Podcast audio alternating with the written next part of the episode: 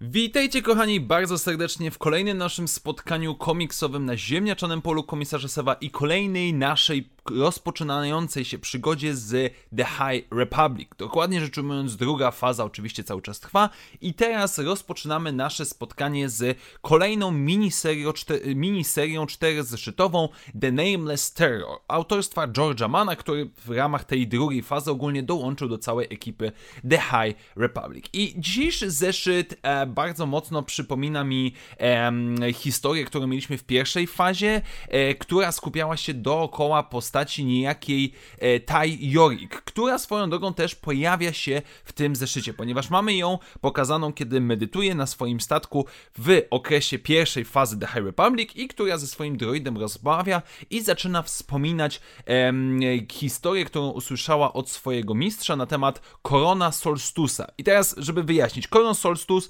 e, w tej historii jest padałanem, o czym za chwilę będziemy mówić, ale on później został mistrzem, e, czy też powiedzmy E, mistrzem e, rycerza Jedi Cibaba, który później był mistrzem Tiarik, czyli w pewien sposób Koron Solstus to jest taki, nazwijmy to dziadek w cudzysłowie Tiarik. No i generalnie historia opowiada nam o tym, jak to Koron jak to e, Koron wraz z innymi, ze swoją mistrzynią, z dwoma innymi rycerzami Jedi oraz z cywilami byli w ramach ekipy Pathfinderów w czasie drugiej fazy The High Republic i podczas jednego z lotu w kosmosie nagle wyskakuje przed nimi jakiś wielki statek, który w pewnym momencie bez większego powodu zaczyna ich ostrzeliwywać i na skutek całej powiedzmy potyczki, uników, innych tego typu rzeczy, nasz oba te statki rozbijają się na pobliskiej planecie. No i na początku oczywiście widzimy, jak to nasza ekipa próbuje się wydostać. Jedna z mistrzyń Jedi zostaje ranna. No i oczywiście cała ekipa musi sobie radzić w nowym otoczeniu, bez statku, bez zaopatrzenia, ponieważ ten wybucha ostatecznie.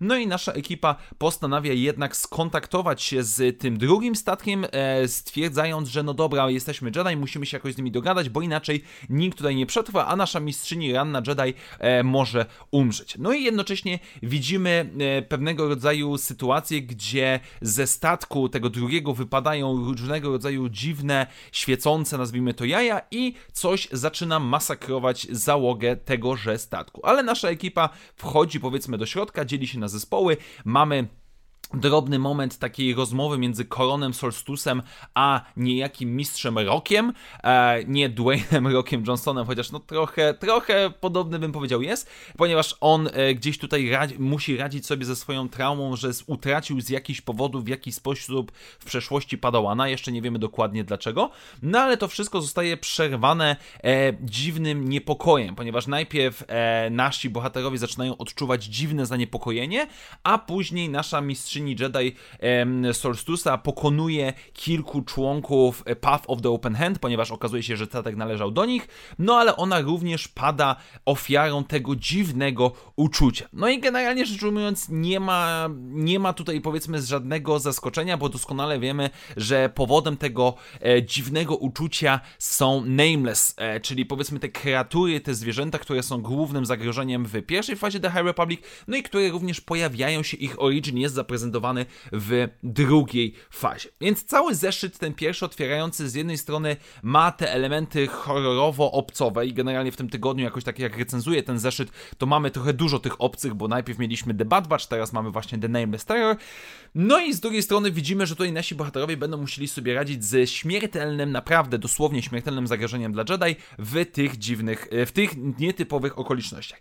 I tutaj Odniosę się w pewien sposób do e, wypowiedzi, czy też powiedzmy do opinii mojego znajomego Strida, który coraz bardziej jest podejrzliwy i dzielę się z jego, powiedzmy, obawami, bo, bo też zaczynam to tak odczuwać, coraz bardziej podejrzliwy, jak właściwie ta druga faza ogarnie cały temat Nameless, no bo w pierwszej fazie wiemy, że te wszystkie notatki, wszystkie zapiski na temat tych potworów zostały całkowicie usunięte i dla Jedi to było zupełnie, zupełnie coś nowego, jedynie Yoda gdzieś tam musiał polecieć, żeby sprowadzić kogoś, kto może w tym pomóc.